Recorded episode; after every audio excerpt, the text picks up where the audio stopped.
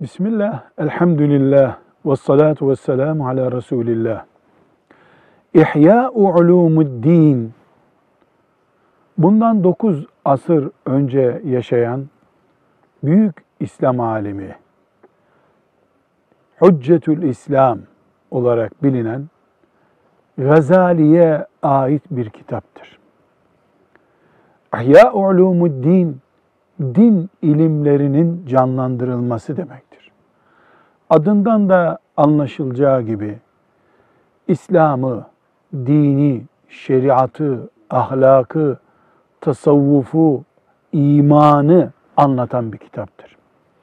Kesinlikle ilim adamı olan, din öğrenen ve öğreten herkesin kütüphanesinde bulunması gereken bir eserdir. Şu kadar ki Kur'an değildir. Sahih hadis kitabı değildir. Bir alemin eseridir.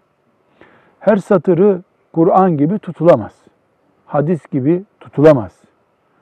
Onu da alimlerimiz tenkit etmişlerdir. Şurası eksiktir, şurası fazladır demişlerdir. Beşerin yapısı budur.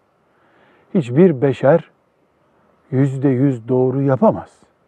Ama Gazali ve büyük kitabı İhya Ulumuddin bu ümmetin büyük hazinelerinden biridir. Her mümin bu kitabı edinmelidir, okumalıdır.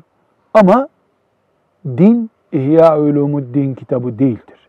Dini anlatan çalışmalardan biridir. Böyle bilinir. İstifade edilirse biiznillahü teala ümmeti Muhammed'e bugüne kadar olduğu gibi bundan sonra da hayrı devam eder. Velhamdülillahi Rabbil Alemin.